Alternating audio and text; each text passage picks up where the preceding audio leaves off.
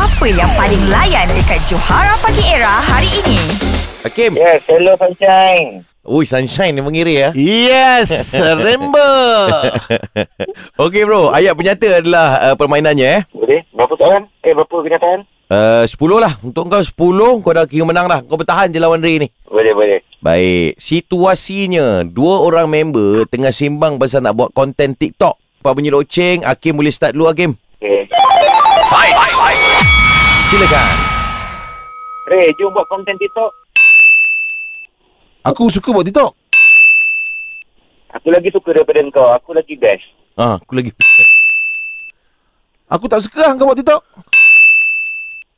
Janganlah sampai tak suka sebab aku memang kerja aku buat konten TikTok je. Ah, ah. Pakailah handphone kau. Aku nak pakai info kau tak nak pakai info aku. Aku punya handphone untuk aku je. Tapi masalahnya kenapa kau tak buat konten TikTok sekali? Okey bro, itu ada kenapa kat situ tu, Aduh. ah, cerita tu. Kenapa tu soalan lah? Sambung dulu. Tak boleh lah. Tak tahu lah. Aduh. Tak tahu tak apa lah. Oh, Aku nak ba- aku nak bagi kau menang eh. ah. Aduh. Tak tahu lah ayat. Aduh. Ah. Kena umur mana? Ah, kena umum lah.